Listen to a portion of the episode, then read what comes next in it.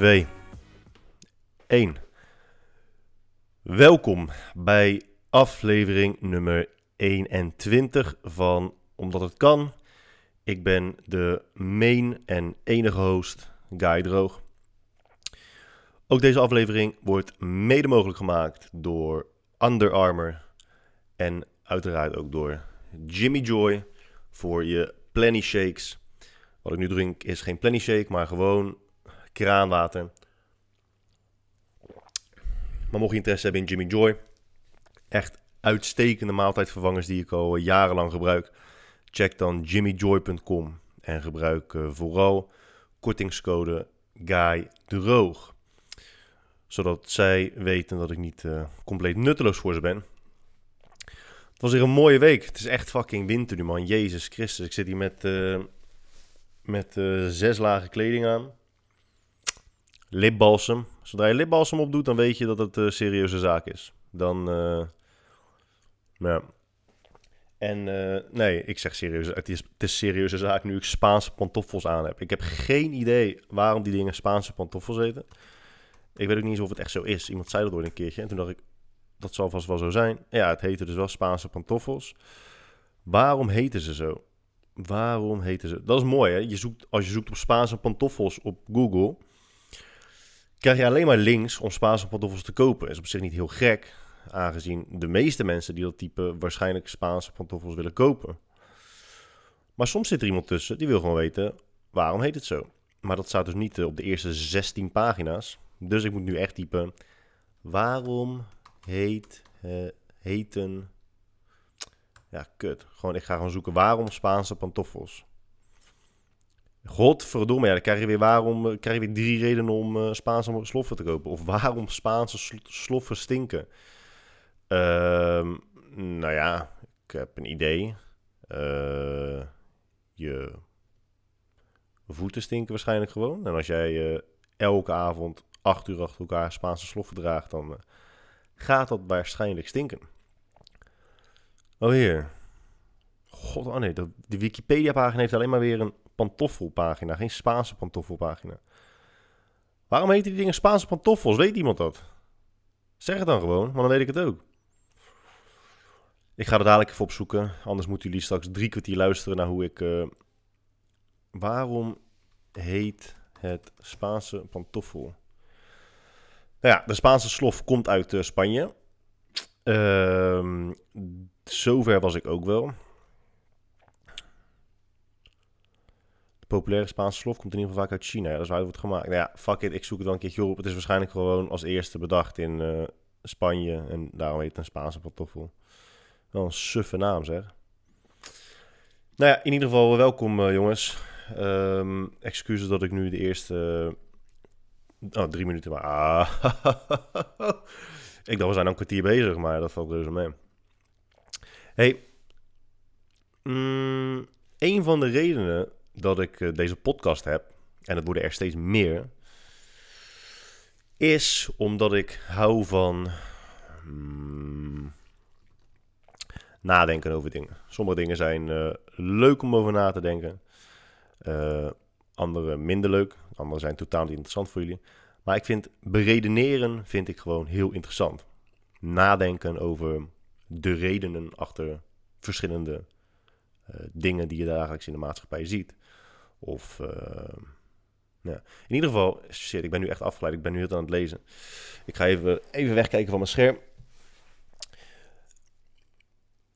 Maar wat belangrijk is uh, voor iemand die van beredeneren houdt, um, is ook tegengeluid. En nu weet ik, ik heb, ik heb bewust uh, geen persoon tegenover, me zitten. Tenminste, niet, niet altijd, meestal niet.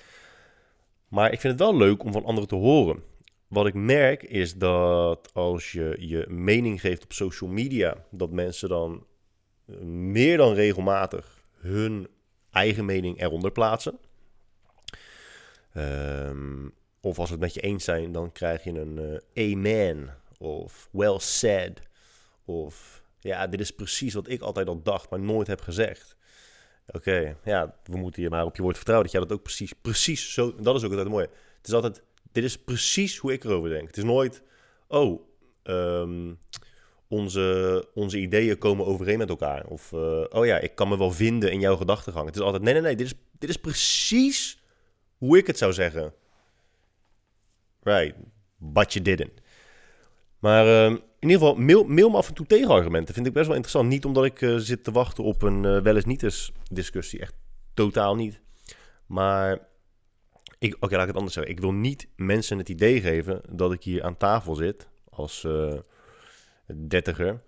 En denk alles maar te weten. En dat ik een podcast begin omdat ik iedereen van eindeloos veel wijsheid wil voorzien. Want dat is absoluut niet het geval. Ik, het zou me verbazen als je eh, de laatste 21 uur met mij iets hebt opgestoken. Maar de enige manier om mijn eigen ideeën door te ontwikkelen is dus ook ehm, als ik een ander perspectief krijg van jullie. Dus als je dat leuk vindt, voel je dan vrij om, uh, om het op te sturen. Ik heb, ik heb een paar keer mails gehad van mensen die zeggen: Ja, ik ben het niet altijd met je eens. Ja, maar oké, zeg dan waar je het niet over eens bent. En nogmaals, ik heb geen zin in een wel eens niet discussie. Je hoeft me echt niet te mailen van: Nee, wat je zegt over aspartaam is niet goed, want aspartaam uh, is slecht voor je. Punt. Daar heb ik geen zin in. Maar uh, ja, ik, ik, sta altijd open voor, voor andermans visie. Dat is alleen maar heel interessant. Um, wat ik zei, ik denk niet op voorhand dat ik gelijk heb. Maar het verschil tussen mij en waarschijnlijk tussen jou, als jij geen. Um, als jij wel graag gehoord zou willen worden, maar niet je ideeën online deelt. Het verschil tussen jou en mij is dat ik mijn visie openbaar deel openbaar maak. Omdat ik niet echt bang ben voor kritiek. Die tijd ben ik gelukkig voorbij. En ja, nu ben ik wel in een periode dat ik denk, ja, laat, laat de kritiek maar komen. Uh, ik denk dat ik inmiddels ook wel een klein beetje weet hoe, je, hoe ik de waarde van kritiek die ik ontvang kan inschatten. Dus uh, ja, kom, uh, kom vooral lekker door met die mailtjes. Neem bijvoorbeeld een van de onderwerpen die ik in een, in een ander, andere podcast heb besproken. Moet ik even kijken welke dat is. Want iemand die dit nu hoort, denkt dan misschien: Oh, dat wil ik eigenlijk ook wel horen. Mm. Ja, ja, ja, ja, ja. Ik weet natuurlijk ook niet welke aflevering het is. Maar het ging in ieder geval over monogamie. Um, en uh, hoe dat zou zijn. Hoe mensen die een uh, volledig open relatie hebben, uh, hoe dat is. Of die dan alsnog wel regels hebben. Of dat, het, ehm, of dat je toch altijd wel gebonden bent aan bepaalde regels. Omdat ik me dus niet voor kan stellen dat een open relatie letterlijk volledig open is zonder regels. Ik verwacht eigenlijk alleen maar dat een open relatie complexer is. Omdat het eigenlijk specifiekere en uiteindelijk dus meer regels heeft dan een monogame relatie. Monogame relatie is. Uh, de regels van een monogame relatie zijn eenvoudig. Goed, ik weet niet meer welke, welke aflevering het is. Dus als je daar interesse in hebt, moet je dus, dus allemaal luisteren. Maar achteraf ben ik er dus achter gekomen dat mijn idee daarover, um, of de, de manier waarop ik beredeneerde, nogal kortzichtig was. Omdat ik heel erg vanuit de individu beredeneerde. Ik dacht, ja, als jij een partner hebt en je hebt een open relatie of niet, wat voor invloed heeft dat dan op de persoon, op de personen in die relatie? Alleen individuen vormen natuurlijk een samenleving.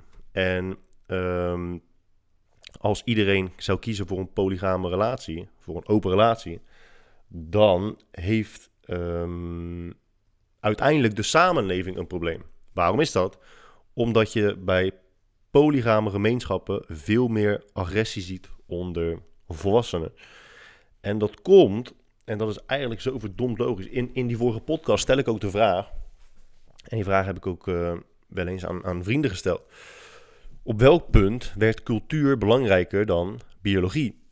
En aan zich is die vraag best oké om te stellen, denk ik. Alleen het antwoord zit hem al in de vraag. En dat zag ik altijd over het hoofd. Op welk punt werd cultuur uh, belangrijker dan biologie? Nou ja, op het punt dat cultuur er dus heel erg toe ging doen. Op het punt dat het dus belangrijk werd dat een maatschappij, een samenleving, um, optimaal functioneerde. En dat gaat dus niet als er geen monogamie is. Uh, daar is, als ik het goed begrijp, voldoende onderzoek naar gedaan. Uh, en de reden daarvoor is eigenlijk best wel simpel. En Ja, jij als luisteraar. Nee, laat, ik, laat ik eerst zeggen waarom. Als. Het zit zo. Het, het merendeel van de vrouwen concurreert voor een heel klein deel van de mannen. Er is altijd verschil in wat je kunt, wat je een ander kunt bieden, uh, wie je bent hoe, en hoe aantrekkelijk je dus bent. Um, en ik ga het anders zeggen.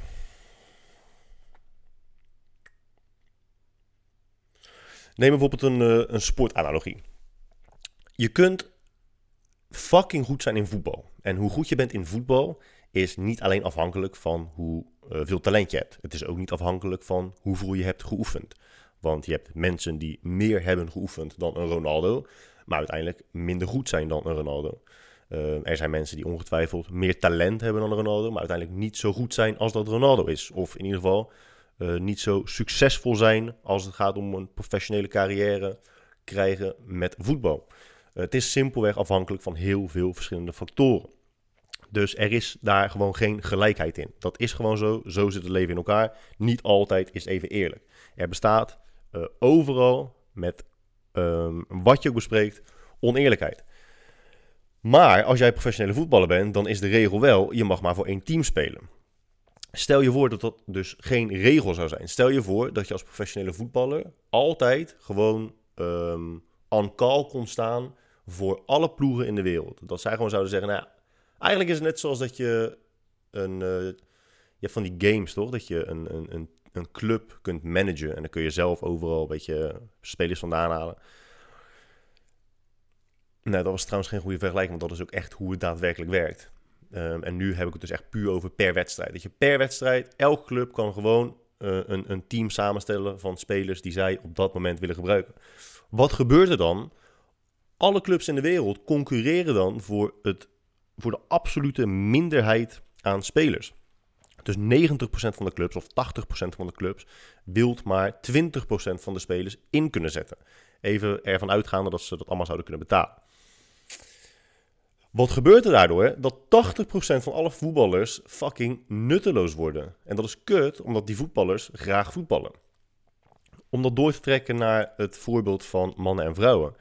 Als 80% van de vrouwen, of 90%, het maakt niet zo uit, het is in ieder geval de overgrote meerderheid, concurreert en waarom concurreren vrouwen voor mannen? Omdat vrouwen in de algemene zin um, kiezen.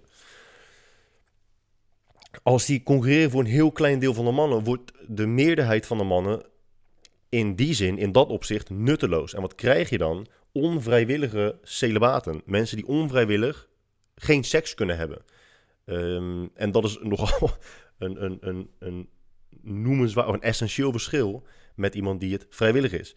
Als jij heel graag seks zou willen hebben, maar het simpelweg niet lukt of dat het niet kan, omdat alle vrouwen die je graag zou willen uh, hebben als partner niet geïnteresseerd zijn in jou, omdat ze geïnteresseerd zijn in een ander. En bij polygame gemeenschappen zie je dus dat, um, zie, je twee problemen. Dat is het eerste probleem uh, dat je ziet ontstaan. Het tweede probleem is dat mannen um, een, overvloed aan keuze hebben. Um, en ja, nou ja, dus terecht ook gebruik maken van hun overvloed aan keuze. Maar aandacht kun je altijd maar beperkt verdelen. Althans, je kunt het ook wel in die zin theoretisch onbeperkt verdelen. Alleen als je je aandacht over steeds meer mensen, steeds meer vrouwen in dit geval moet verdelen, krijgt iedere vrouw een steeds kleiner deel van jou.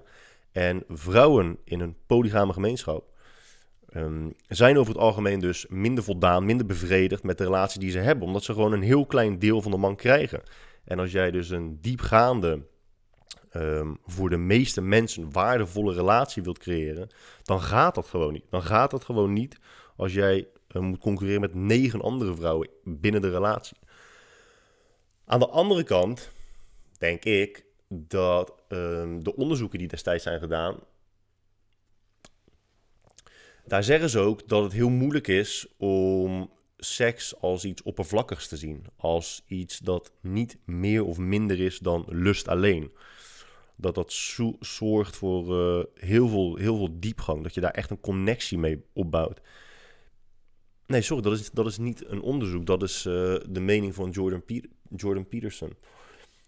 Ehm, ik weet niet of ik daarmee eens ben. Ik denk dat dat, dat, dat een uh, vrij ouderwetse gedachte is. Uh, en als je een extreem voorbeeld wilt gebruiken, denk ik dat de porno-industrie daar een goed voorbeeld voor is. Zij zijn, denk ik wel, het bewijs dat je absoluut, zonder enige twijfel, seks en liefde kunt scheiden van elkaar. Dat je ongelooflijk veel seks kunt hebben zonder dat je daarmee een diepgaande band creëert met uh, de persoon waar je seks mee hebt. Dus ik denk ook echt niet dat zijn standpunt klopt als hij zegt dat, um, um, dat je niet seks kunt hebben met verschillende vrouwen, um, maar wel een diepgaande, uh, zinvolle relatie kunt opbouwen met één, twee of misschien wel drie van die vrouwen. Uh, ik denk niet dat dat kan. Want ja, wat, wat ik zeg, zijn standpunt is dus... als stel je voor dat je seks hebt met twintig vrouwen tegelijk... dat dat niet zonder gevoelens kan... en dat je daardoor altijd gewoon tegen problemen aanloopt. Maar ik denk dat die gedachte een klein beetje ouderwets is. In ieder geval, ja, het is een, ik vind het een interessant onderwerp nog steeds. Maar dat, ik, ik heb het eigenlijk alleen maar uitgelegd omdat dat dus mijn denkfout was. Ik dacht echt puur vanuit individu en dacht niet door naar wat gebeurt er als al die individuen dus een open relatie aangaan. En ik kan me echt wel voorstellen dat uh, dat, dat uiteindelijk voor problemen zorgt. En natuurlijk, hè, jij als luisteraar zou daar uh, geen, uh, geen ehm, last aan ondervinden. Want jij bent onwijs charismatisch. En jij zou sowieso behoren tot die 10 of 20 procent van mannen waar alle vrouwen om concurreren. Alleen, ja. Weet je, dat, dat hebben we ook besproken. in, en die weet ik wel, want dat staat namelijk in de titel. In aflevering nummertje. Mm, in ieder geval over stinkpoesjes. Aflevering 7. Ik heb trouwens een fout gemaakt door stinkpoesjes en zwerfhonden achter elkaar te plaatsen. Waardoor mensen waarschijnlijk denken dat ik met stinkpoesjes um, letterlijk een, een kat bedoel, een poes. Maar ik bedoel dus gewoon een stinker tijdens die podcast bespreek ik dus dat veel vrouwen die vinden dat ze te weinig oraal worden bevredigd, dat dat de schuld is van een man. want je, je hoort letterlijk vrouwen erover praten. Uh, ja, misschien houdt hij daar gewoon niet van, misschien vindt hij dat niet lekker, misschien gaat het hem alleen maar om zijn eigen genot, misschien dit, misschien dat, maar het gaat altijd over hem. En mijn vraag is dus in aflevering 7 van ja, kan het niet misschien zijn dat je kut gewoon stinkt? Uh, want heb je ooit gewoon je vingers 8 centimeter bij jezelf naar binnen geschoven, vooral na een dag werken, en uh, er even aan uh, gesnuffeld, hè, als, een, als een goed glas wijn. Het kan namelijk zijn dat je er dan achterkomt dat een man dat met hele bewuste redenen dus liever niet wil doen. Wat je ook vaak ziet, en dat doen zowel vrouwen als mannen, daarom gebruik ik dit als introductie voor het volgende punt, is dat mannen en vrouwen zijn zo goed in zichzelf wijsmaken dat ze niet gewild zijn bij het andere geslacht. En dat dat ligt aan al die personen waar ze mee daten. Ja, hij begrijpt me gewoon niet. Of ze snapt me gewoon niet. Of uh, ja, we, we klikken gewoon niet. En dat is prima als dat één keer gebeurt of twee keer gebeurt. Of nou ja, als het drie keer gebeurt, dan is er denk ik wel sprake van een patroon. Maar als jij al tien mannen hebt gedate de laatste maanden of jaren. Um, of tien vrouwen hebt gedate de laatste jaren. En het gaat elke keer weer mis. Um, en dat jij steeds het gevoel van, hé, maar zij begrijpen hem niet. Of, of um, de kans is heel groot dat het gewoon aan jou ligt. Die, die, die kans uh, bestaat. En dat is natuurlijk bijna hetzelfde als jezelf in de spiegel aan moeten kijken en toe moeten geven aan jezelf dat je veel te veel eet en daarom overgewicht hebt.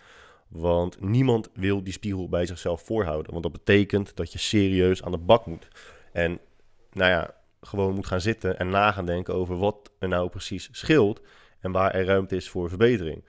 Dat is uh, voor sommige mensen hel. En, maar ja, het is wel dat wat nodig is op dat moment.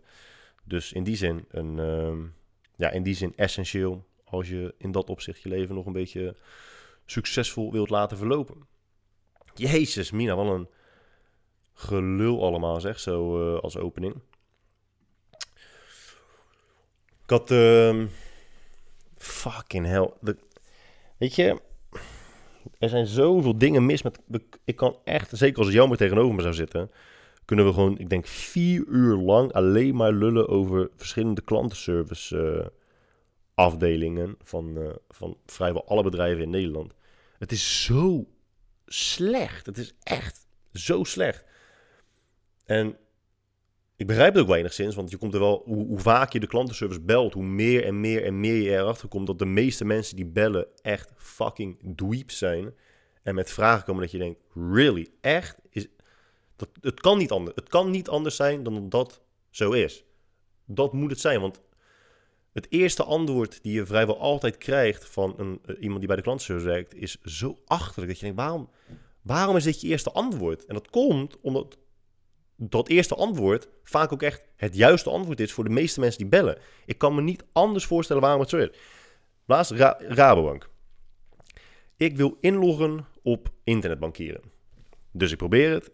Maar mocht je niet weten hoe Rabobank internetbankieren werkt, je hebt zo'n kastje, je stopt er je pas in, je vult je uh, pincode in, dan scan je zo'n kleurcode en vervolgens krijg je een code die je in moet vullen om vervolgens in te loggen. Dat deed ik allemaal om vervolgens um, verwelkomd te worden met een, uh, een errorbericht, een error. Um, en er stond dus bij, nou het was code, errorcode 940 of zo, weet ik het. En dan staat eronder, wat kun je doen, um, wat kun je zelf doen als je deze errormelding krijgt? Nou ja, daar klik je dan op. Krijg je twee opties. De eerste optie is dat ze aan je vragen, kan het zijn dat de pas um, verlopen is? Dat je pas heel erg oud is? Nou, dat kan niet in mijn geval, want mijn pas is letterlijk twee maanden oud. Misschien iets langer, maar het is in ieder geval een, een behoorlijk nieuwe pas.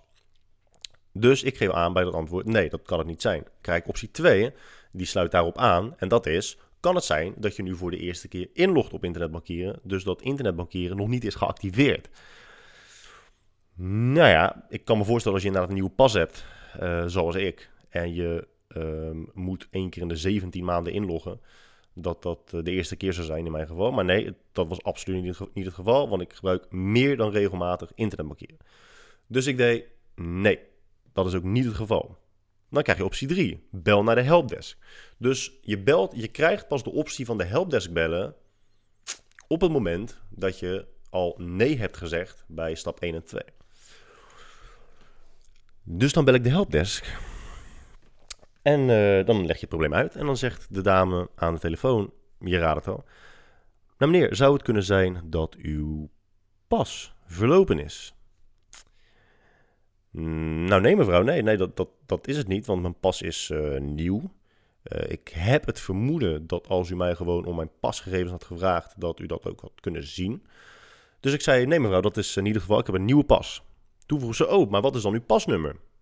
Nou ja, dat is dit en dit. Oh ja, ik zie het, uw pas is inderdaad nieuw. Ja, I know, ik ben geen zes. Uh, dus vandaar dat ik uh, die vraag ook gewoon juist heb beantwoord net. Maar goed, ik ga graag door naar uh, vraag 2. En vraag 2 weten jullie natuurlijk al, want vraag 2 was... Nou meneer, kan het zijn dat u nu voor het eerst pas inlogt? Ik zei, nee mevrouw, u geeft net al aan dat mijn pas een paar maanden oud is. En ja, ik, ik, ik maak dus wel meer dan regelmatig gebruik van internetbankieren. Dus dit is zeer zeker niet de allereerste keer dat ik probeer in te loggen. Oh, zegt ze, nou dat is dan wel echt heel erg gek dat je dan die, uh, die foutmelding krijgt. dacht ik, ja, dat is uh, inderdaad wel gek. Datzelfde als dat je belt naar een klantenservice en dat, dat ze zeggen... Spreek de vier cijfers van uw postcode in na de piep. En als een fucking moron moet je dan in de telefoon zeggen 3021. En dan gaan ze het natuurlijk halen. Uh, u zei 3021. Is dat juist toets 1? Dan denk ik, ah, goddammit zeg. Soms hoeft dat niet, maar soms is het ook wel. En dan krijg je dus iemand van de, van de klantservice aan de lijn. En dan leg je je probleem uit. En dan zeggen ze: Nou, meneer, dank u wel. Ik ga kijken wat ik voor u kan doen. Uh, kunt u mij alstublieft de eerste vier cijfers van uw postcode geven? Dan denk ik: Bro, what the fuck is het punt van mij die shit in laten spreken als je het toch vraagt? Ik. Nou, in ieder geval. Uh, toen zei die vrouw, ja, dat is heel gek, meneer, dat, dat u die foutmannen krijgt. En toen dacht ik, ja, dat is inderdaad wel gek. Ik hoop dat je me kan helpen in plaats van mijn tijd verschrikkelijk erg verdoen op deze morgen. Toen zei ja, meneer, ik heb naar uw profiel gekeken en ik zie dat uw account niet is geactiveerd. Dus ik heb die zojuist geactiveerd en nu zou het moeten werken. En weet je wat het erge daaraan is? Het erge daaraan is dat zij gelijk krijgt. Niet omdat ze gelijk heeft, maar ze krijgt wel gelijk. Want in hun systeem sta ik op niet geactiveerd, omdat ik nog niet heb ingelogd op internetbankieren. Maar ik ben godverdomme toch niet achter. ik snap, ik weet echt wel of ik al in heb gelogd de laatste vier maanden sinds ik die pas heb, of niet. En ik kan met absolute 100% zekerheid zeggen dat ik wel heb ingelogd. Maar op dat moment ik zei, ah, wat een, wat. Ik vraag duidelijk aan hem, heeft hij, nou, heeft hij nou nog nooit ingelogd? Hij zegt nee. Hij zegt ja, dat heeft hij wel gedaan. En dan zie ik toch in mijn scherm staan dat hij dat nooit heeft gedaan. En dat is zo kut, hè. Want ze zullen dan nooit denken, ah meneer, onze excuses voor het ongemak. Ik denk dat er iets mis is aan ons systeem. Uh, wel heel gek, het is ongebruikelijk. Maar ja, het is nu in ieder geval opgelost. Nee, nee, nee. Zij denkt gewoon, ah, fucking, fucking idiot. En ik denk, godverdomme zeg, dit, hier ga ik gelijk een podcast over maken. Maar ja, punt van het verhaal is dat een willekeurige dame bij uh, Rabank Rotterdam nu denkt dat ik een eerste klas idiot ben. Maar goed.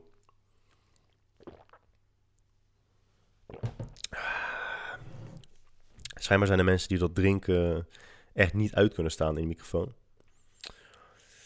Maar ja, hè? life sucks. Ik kijk nu ook uh, dingen, best interessant. Uh, I Am a Killer op, um, op uh, Netflix. Ja, ik kijk trouwens ook nog steeds gewoon Terrace House. Terrace House blijft gewoon echt kicken. Maar I Am a Killer is ook heel interessant. Omdat, um, nou, zoals ik al vaker heb gezegd, interesseert de duistere kant van de mens mij echt heel erg. Ik vind het altijd leuk als mensen denken dat ze niet in staat zijn om uh, slechte dingen te doen, om de wereld, om, kwaad aan te richten. Vind ik zo godvergeten naïef. Maar goed, I Am a Killer is heel interessant, omdat ze, ze bouwen het echt heel goed op. Ik zal even een, een korte uitleg geven. Ze interviewen volgens mij uh, verdeeld over tien afleveringen, tien verschillende inmates, uh, gevangenen die, bij, uh, die op death row wachten tot ze de doodstraf krijgen. Vind ik trouwens gek, als je de doodstraf krijgt, dat je dan soms echt gewoon 30 jaar wacht tot je dood wordt gemaakt. Ge geef dan gewoon levenslang, maar goed. Um, en dan beginnen ze dus, dan beginnen ze eerst altijd met het verhaal van de persoon die vastzit. En dan leggen ze het uit en dan denk je, ja, kijk, soms, sommige afleveringen denk ik, oké, jij, bent, jij bent echt, holy shit, jij bent next level. Die, die, die moorden gewoon omdat het uh, toevallig die dag even uitkwam. Maar soms zit er verhaal achter dat je denkt, god damn, dat is wel echt shit, oh, fuck. Weet je, dat is gewoon precies op de verkeerde plek, precies op het verkeerde moment, verkeerde omstandigheden. Weet je, het liep gewoon helemaal kut. Uh, Murphy's Law. Maar dan vervolgens, je raadt natuurlijk al, introduceren ze meer en meer verschillende karakters aan het verhaal. Um, waaruit dus, waarop je dus, waardoor je dus keer op keer op keer wordt herinnerd aan het feit dat de waarheid of elk verhaal altijd meerdere kanten kent. Dat weten we, hè? dat weten we vaak vooraf op het moment dat we nog rationeel na kunnen denken. Of achteraf dat we de meerdere kanten hebben gehoord. Maar als we zelf enigszins emotioneel worden, kunnen we, uh, of kunnen we, hebben we vaak de neiging om te vergeten dat er inderdaad verschillende kanten van het verhaal zijn. Maar deze serie benadrukt dat echt keihard, want dan krijg je dus de andere kant van het verhaal, of een andere kant van het verhaal, een ander perspectief. En dan wordt je mening over die gozer in één keer helemaal volledig omgekeerd. Dat je denkt, holy shit, alles wat je net zei was gewoon een leugen. Maar dan raad je het al, want dan komt er weer een andere persoon bij en die, die bevestigt weer wat hij heeft gezegd. En dan denk je, fuck, wat, wat is nou de waarheid? Want nu, nu snap ik het gewoon niet meer. Nu, nu wordt het best lastig. En dan krijg je dus um, te maken met de taken van de jury. En dat lijkt me echt moeilijk hoor. En natuurlijk, ik kan me heel goed voorstellen dat als jij te horen krijgt, ja, deze gast heeft drie mensen vermoord, dat je dan gelijk denkt, ja, geef hem levenslang of geef hem de doodstraf. Maar het is best lastig. Kijk, ik zeg niet, ik zeg absoluut niet dat mensen die hebben gemoord um, een tweede kans moeten krijgen in de maatschappij. Hmm, meen ik dat? Nee, ik meen dat niet. Nee, nee, daar sta ik niet helemaal achter. Het is te genuanceerd. Nee, dat heeft, dat heeft echt met te veel dingen te maken. Laat ik in ieder geval laat ik, niet, laat ik het anders, anders brengen. Um, omdat ik anders 3,5 uur aan dit onderwerp ga wijden. Als je moet kiezen tussen iemand levenslang geven of de doodstraf, dat is al heel moeilijk. Want als je iemand levenslang wegstopt, ja, weet je, dan weet je dat die persoon geen bedreiging meer vormt voor de maatschappij. Um, ervan uitgaan dat hij niet dus vroegtijdig uh, vrij kan worden gelaten. En ja, de doodstraf is wel, ja, dat is wel heftig hoor. Al zijn er natuurlijk heel veel mensen die, die nogal wraakzuchtig zijn en pas tevreden zijn op het moment dat de moordenaar van hun familielid zelf ook dood is. Maar het is echt lastig. En dat is, dat komt, vind ik, uh, als, als, als jurylid dan, in dit geval niet als familielid van de persoon die vermoord is.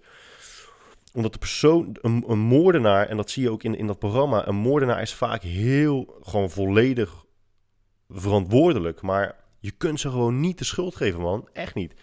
Die, die mensen hebben zo een verschrik, zo een verschrikkelijk, verschrikkelijk leven achter de rug. Dat is echt niet te bevatten. Je, wij, wij, wij, wij houden ons bezig met ehm, of we op een uh, donderdagavond iets meer last hebben van gasvorming, omdat we misschien net iets te veel gluten binnen hebben gekregen uit de, uit de, de, de, rijstwafels van de Albert Heijn.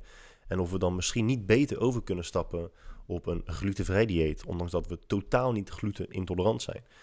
Wij houden ons bezig met uh, ja, welke kleur zal ik mijn nagels uh, deze maand verven. Want vorige maand heb ik ze taup geverfd. En ik twijfel nu tussen babyblauw of, of aqua. Aqua. Ik weet niet wat een kleur is, maar ik denk van wel. Dat is waar het merendeel van de westerse wereld zich een beetje mee bezighoudt elke dag. Ja, ik weet dat dat heel erg generaliserend is en overdreven. Dus rustig. Maar veel van die gasten, die worden echt vanaf de allereerste fucking dag dat ze hun ogen open doen in deze wereld, worden ze echt gewoon compleet verwoest, fysiek en mentaal. Je komt er gewoon achter dat bij sommige afleveringen, weet je, dat, dat sommige gasten gewoon jaar in, jaar uit verkracht worden door hun, uh, stiefvader. Uh, dat hun moeder dat ook gewoon niet gelooft, gewoon weigert te geloven, boos op ze wordt. Op het moment dat, dat een van die gasten op jonge leeftijd tegen zijn moeder zegt van ja, maar uh, je, je man die, ja, die verkracht mij gewoon. Um, zegt ze tegen hem, als hij dat ooit nog een keer doet, vermoord ik hem. Als, als hij dat ooit nog een keer doet. Hoe zit het dan met alle keren dat hij het al heeft gedaan? En op een gegeven moment doet hij dat dus weer. Uh, geen verrassing. En wordt hij uiteindelijk dus het huis uitgetrapt, weet je. Maar je kunt je niet voorstellen hoe hels het is om op te groeien met met ouders die totaal geen ouders zijn, die drugsverslaafd zijn, die alcoholverslaafd zijn, die je fysiek mishandelen, mentaal mishandelen, die je niet naar school sturen. Uh, opgroeien in een wijk met heel veel andere kinderen die exact hetzelfde meemaken. Er is gewoon absoluut geen uitweg. Mentaal niet, fysiek niet. Je, je kunt gewoon nergens heen. Je bent gewoon gevangen in een bestaan waar je zelf niet eens voor hebt gekozen. En als je dan uiteindelijk ouder wordt, ja, je bent volledig beschadigd. En natuurlijk weet ik dat er nu van die, hmm, van die New Age denkers zijn die denken, ja maar nee, als je, als je sterk genoeg in je schoenen staat, kun je overal bovenop komen. Ja, fuck off, man. Echt. Je hebt geen flauw. ik heb ook geen flauw idee waar ik het over heb. Maar ik kan me in ieder geval heel goed voorstellen. Ik ben in ieder geval eerlijk genoeg om toe te kunnen geven dat ik me niet voor kan stellen hoe verschrikkelijk het moet zijn, moet zijn om zo'n leven te hebben. En dat ik me ook echt niet voor kan stellen hoe beschadigd je bent als je op een gegeven moment uh, een volwassen leeftijd bereikt. En precies wat ik net al eerder zei, op een verkeerd moment de verkeerde persoon tegenkomt en het escaleert. Ja, dan weet je, uitzonderlijke, uitzonderlijke omstandigheden lokken ook echt uitzonderlijke reacties uit. En zeker als het ook nog eens uh, uitzonderlijke individuen betreft, die een leven hebben gehad die je gewoon niet voor kunt stellen, ja, dan gebeurt er zulke shit. Maar het erg is dan nog, kijk, en in, in die zin ben ik dan ook misschien een naïeve New Age uh, hippie denken, maar ik denk dat liefde, oprechte liefde, uh, heel veel goed kan maken met, bij zulke mensen, maar dat zullen ze letterlijk nooit een dag van hun leven ervaren, omdat je wordt zo'n gevangenis ingestuurd en daar trekt dat bestaan gewoon door. Eh, je moet constant op je hoede zijn. Niemand die je kunt vertrouwen. Niemand die je mag. Um, bij het minste of geringste word je geshankt 18 keer onder de douche. Ja, ja dat, dat helpt helemaal niemand. En daarom, nou ja, dat vind ik dan ook weer gewoon bewijs voor het feit dat het zo vreemd is dat je geen,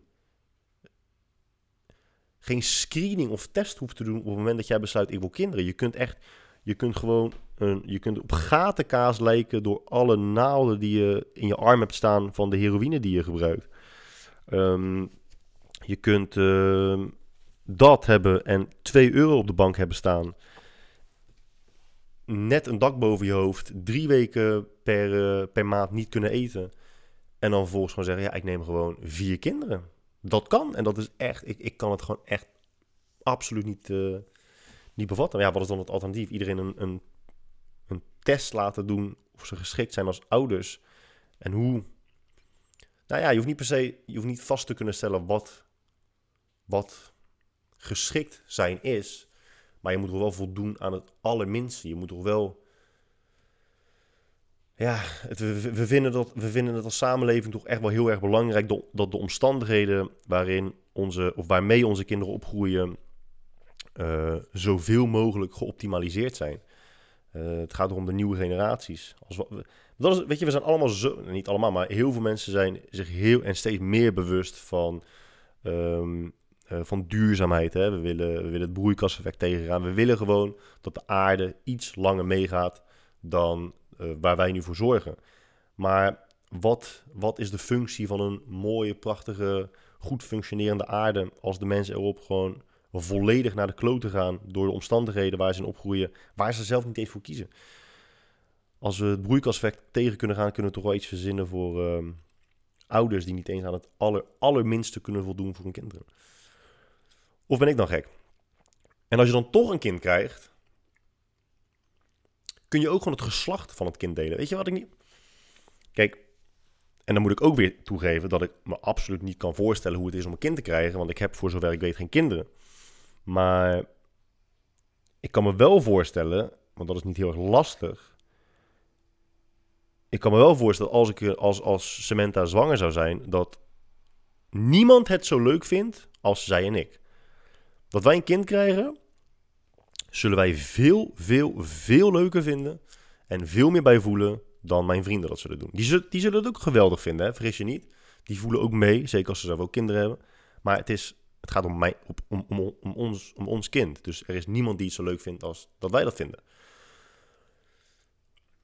Dus waarom houden mensen dan het geslacht van hun kind geheim?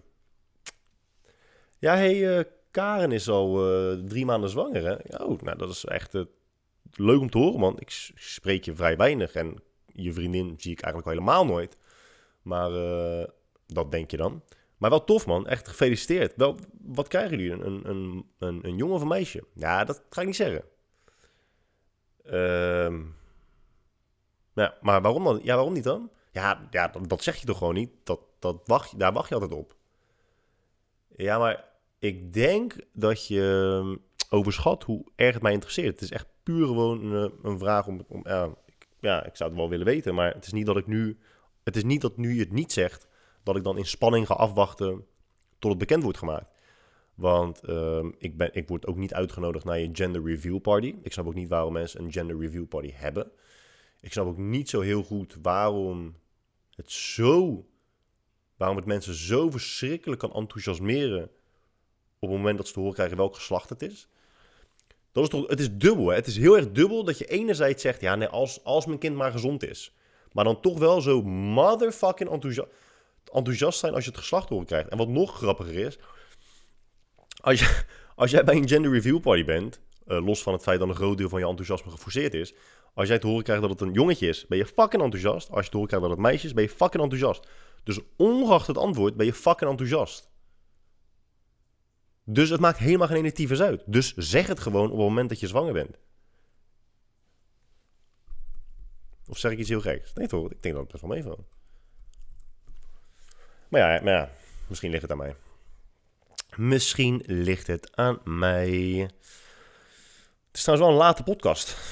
Half zes uh, neem ik dit op. Oh ja, de, klok, de klok is laatst natuurlijk achter, wat is het, achteruit gegaan.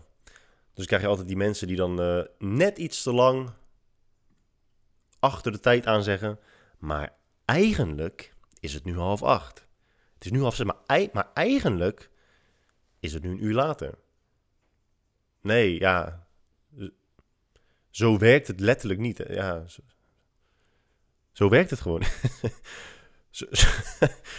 ik weet al nooit wat ik moet zeggen. Dan, ja, maar eigenlijk is het nu een uur later. Uh, nee, want de klok is een uur achteruit gezet. Dus Het is nu gewoon dat tijdstip. Ja. Wat. Uh, ik had laatst met uh, Jelmer over ochtendrituelen. En uh, dat is ook weer. Dat, ja, is, het is allemaal die nieuwe. Het is allemaal de nieuwe generaties. Ochtendrituelen. Iedereen heeft het over ochtend. Ja, wat, wat, wat zijn je ook bij interviews vaak? Ja, wat, zijn je ochtendrituelen? Doe je nog speciale dingen? En iedereen moet daar ook weer een fucking smart-ass antwoord op hebben. Ja, ik ga eerst uh, dit doen en dan dat doen. En dan eet ik mijn speciale quinoa-bol. Of quinoa, voordat iemand uh, zichzelf, zich, mij corrigeert in zijn hoofd. En dan neem ik een koude douche. Kijk, wat is er gebeurd met mensen die gewoon zeggen... Nou ja, uh, de eerste 10 minuten denk ik... Godverdomme zeg, wat zou ik nog graag even een half uur extra blijven liggen. en ik zorg er ook echt wel voor dat ik elke ochtend die 10 minuten pak. Dan sta ik op en dan loop ik echt met minimale snelheid... met half gesloten ogen naar de douche... om vervolgens gewoon een warme douche te nemen. Um, want ik snap niet waarom iemand, behalve seriemoordenaars, een koude douche zouden nemen. Ja, Wim Hof zegt dat het goed is, maar, maar oprecht, waarom, waarom zou je een koude douche nemen? Ja, omdat ik dan wakker word. Right. Je kan ook gewoon koffie nemen. Maar goed, dan neem je dus een warme douche en dan uh, kom je eruit. En dan neem je een espresso en dan ga je de hond uitlaten en dan ga je naar je werk. Waarom, waarom kan dat niet gewoon voor meer mensen hun ochtend zijn? Waarom moet iedereen een hele speciale ochtendrituelen hebben? ik denk niet dat, dat je dat bijzonder interessant maakt, toch? Dat je, als je een speciale ochtendritueel hebt, je hoeft, ja. ja. Ofwel, of, of, of, stel je voor dat ik zou zeggen, nou ik word wakker. Ja, weet je, het, het, no het nodigt uit. Misschien maakt het je wel interessanter, omdat het uitnodigt tot meer vragen. Als ik bijvoorbeeld wel zou zeggen, ik neem eerst een koude douche, dan zou jij kunnen vragen, oh, waarom neem je een koude douche dan? En dan zou ik zeggen, ja, omdat ik een seriemoordenaar ben. Uh, en gewoon bad shit crazy. En ik hou ervan om mezelf fysiek uh, te pijnigen. Ik hou ervan om gewoon te voelen dat er geen lucht meer in mijn longen zit. Uh, ik hou ervan om te zien hoe mijn penis van 38 naar 27 centimeter krimpt onder een koude douche. En daarom neem ik een koude douche. En dan vervolgens ga ik drie kwartier mediteren.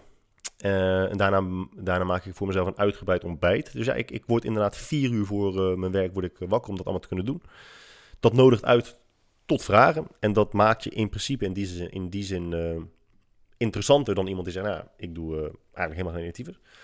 Dus daarmee heb ik mijn eigen vraag direct beantwoord. Mijn influencer vrienden.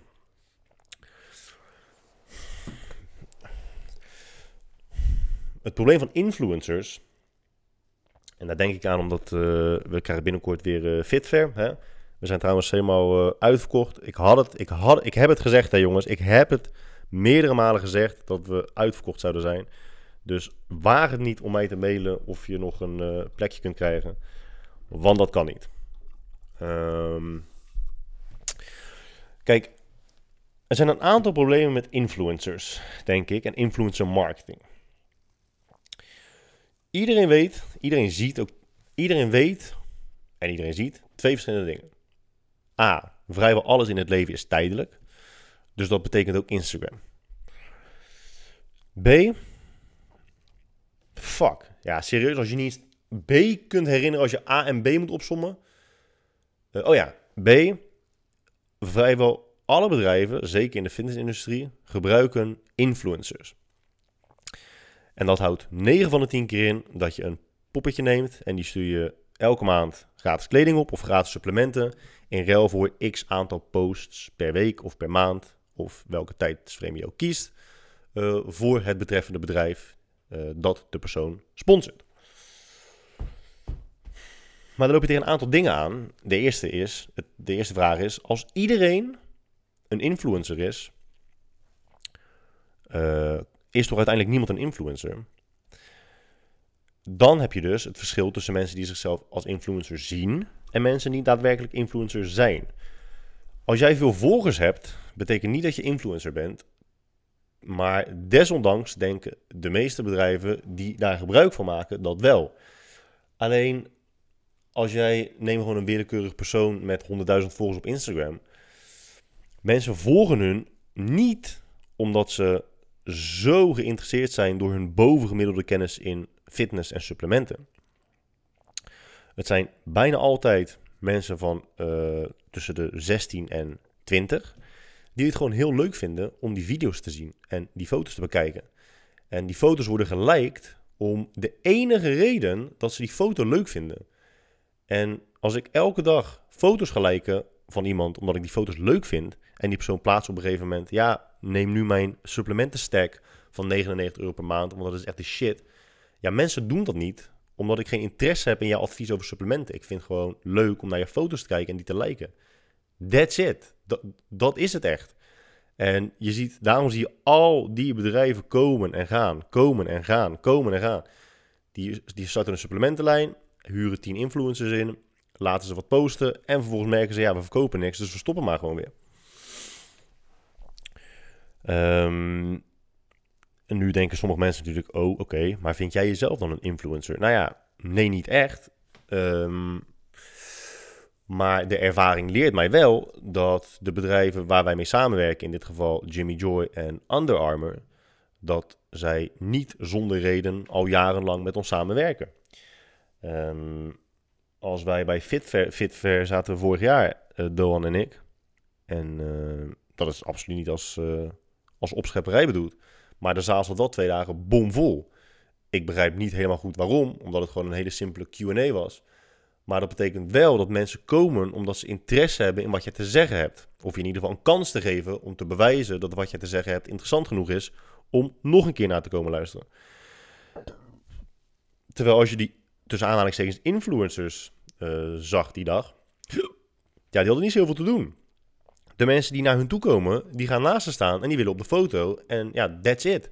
Maar de meeste mensen kunnen geen geld verdienen met af en toe op de foto staan met iemand en Instagram-likes verzamelen. Zeker niet, omdat Instagram op een gegeven moment ook weer gaat verdwijnen.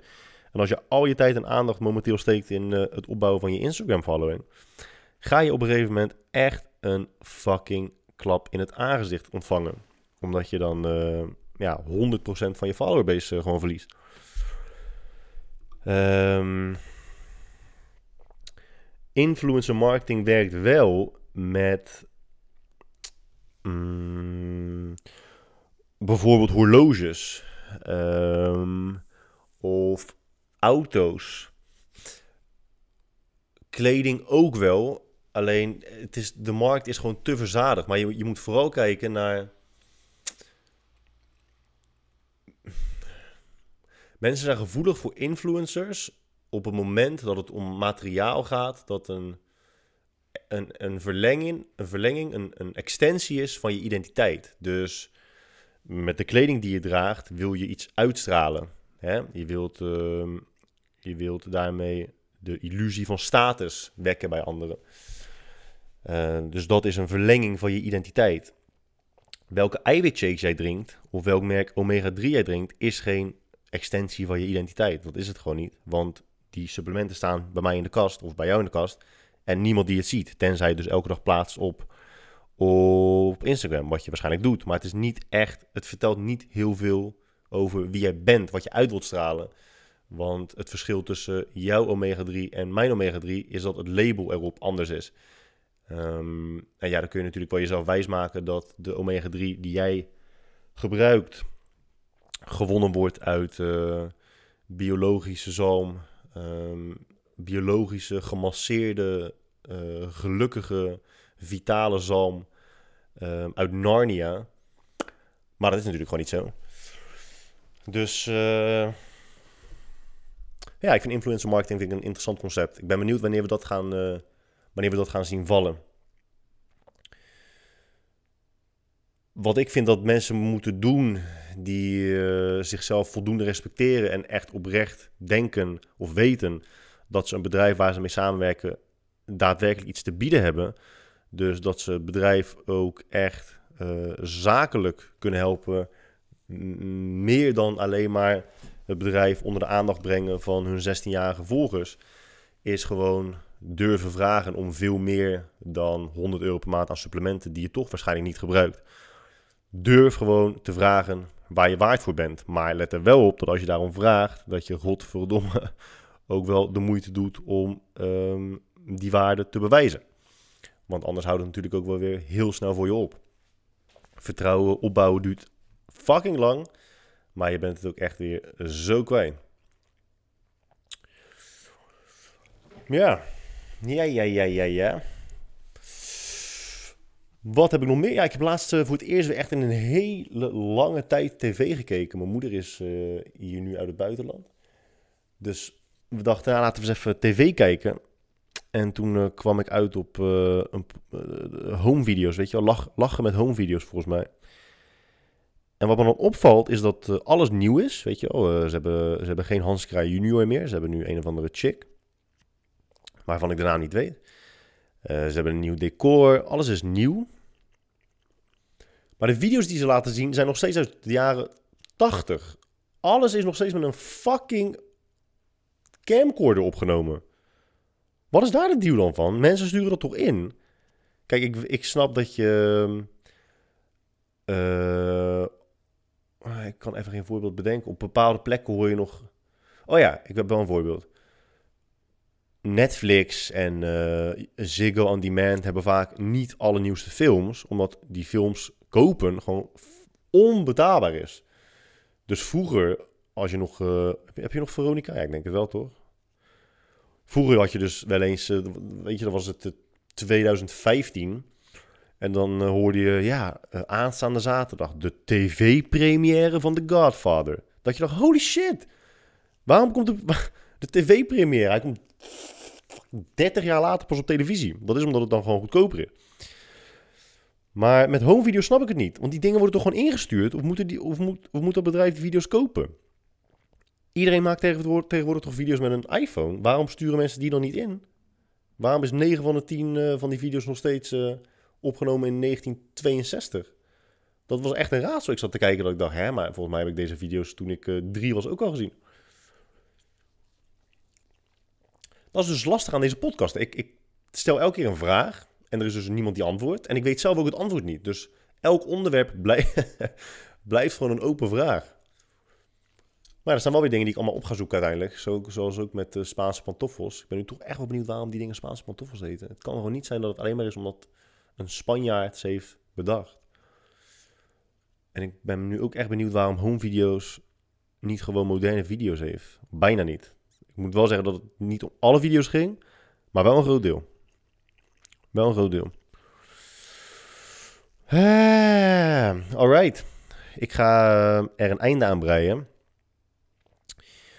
Ik ehm, moet mezelf aanleren om geen podcast op te nemen nadat ik twee uur een massage heb gehad en vervolgens een uur lang in bad heb gezeten. En dus echt gewoon helemaal naar de kloten ben. Ik heb last van fucking twee tennisellebogen. En eh, daar ben ik jaren van af geweest. Dus er is gewoon één ding dat ik niet moet doen. En dat is armpje drukken. Of dus met al mijn, lichaams, al mijn lichaamsgewicht eh, aan één arm hangen. En ik heb dus precies dat laatste gedaan. En nu eh, zijn allebei mijn armen echt helemaal naar de kloten. Dus eh, als je even een minuutje vrij kunt nemen, vrij kunt maken om ehm, eh, mij als slachtoffer te behandelen en eh, je medelijden te uiten via een mailtje, dan stel ik dat zeer op prijs. Ik zorg ervoor dat we volgende week gewoon weer wat, ehm, wat, wat te lachen hebben. Hè, we zitten allemaal even in een. eh, Ehm, als je me dan toch mailt om te uiten hoeveel medelijden je met me hebt, dat ik twee tennisellebogen heb, eh, feliciteer me dan ook gewoon even, omdat ik zojuist voor de eerste keer heb geniest tijdens de podcast. Eh, eens moet de eerste keer zijn. Mm. Oh, dat wil ik zeggen. Ja, het is, eh, het is eh, eh, eind oktober. Hè. We hebben allemaal een beetje last van een winterdepressie, winterdipje. Het is weer fucking vijf uur. Het is kwart voor zes. Het is echt pikzwart buiten. Dus dat is gewoon minder. Als je wakker wordt is het donker. Als je naar, je, als je huis gaat is het donker. Maar hè, er, is, er is altijd licht aan het einde van de tunnel. Om in het kader te communiceren van al onze Instagram-influencers. Met een diepgaande quotes en waardevol levensadvies. Hey jongens, iedereen bedankt voor het kijken, voor het luisteren en kijken. Eh, voor de mensen die onderweg zijn naar hun werk nu. Want ik begrijp dat er steeds meer mensen op een woensdagochtend luisteren. Geniet van jullie dag. Ik kan me voorstellen dat, dat dit uur gewoon zo zorgt voor zoveel motivatie. Dat je gewoon klaar bent voor de week, voor de maand, voor het jaar. Kan ik me echt wel iets bij voorstellen. Je, al, al deze motiverende woorden van je boy, van je guy. En dan eh, spreken wij elkaar volgende week dinsdag. Ciao.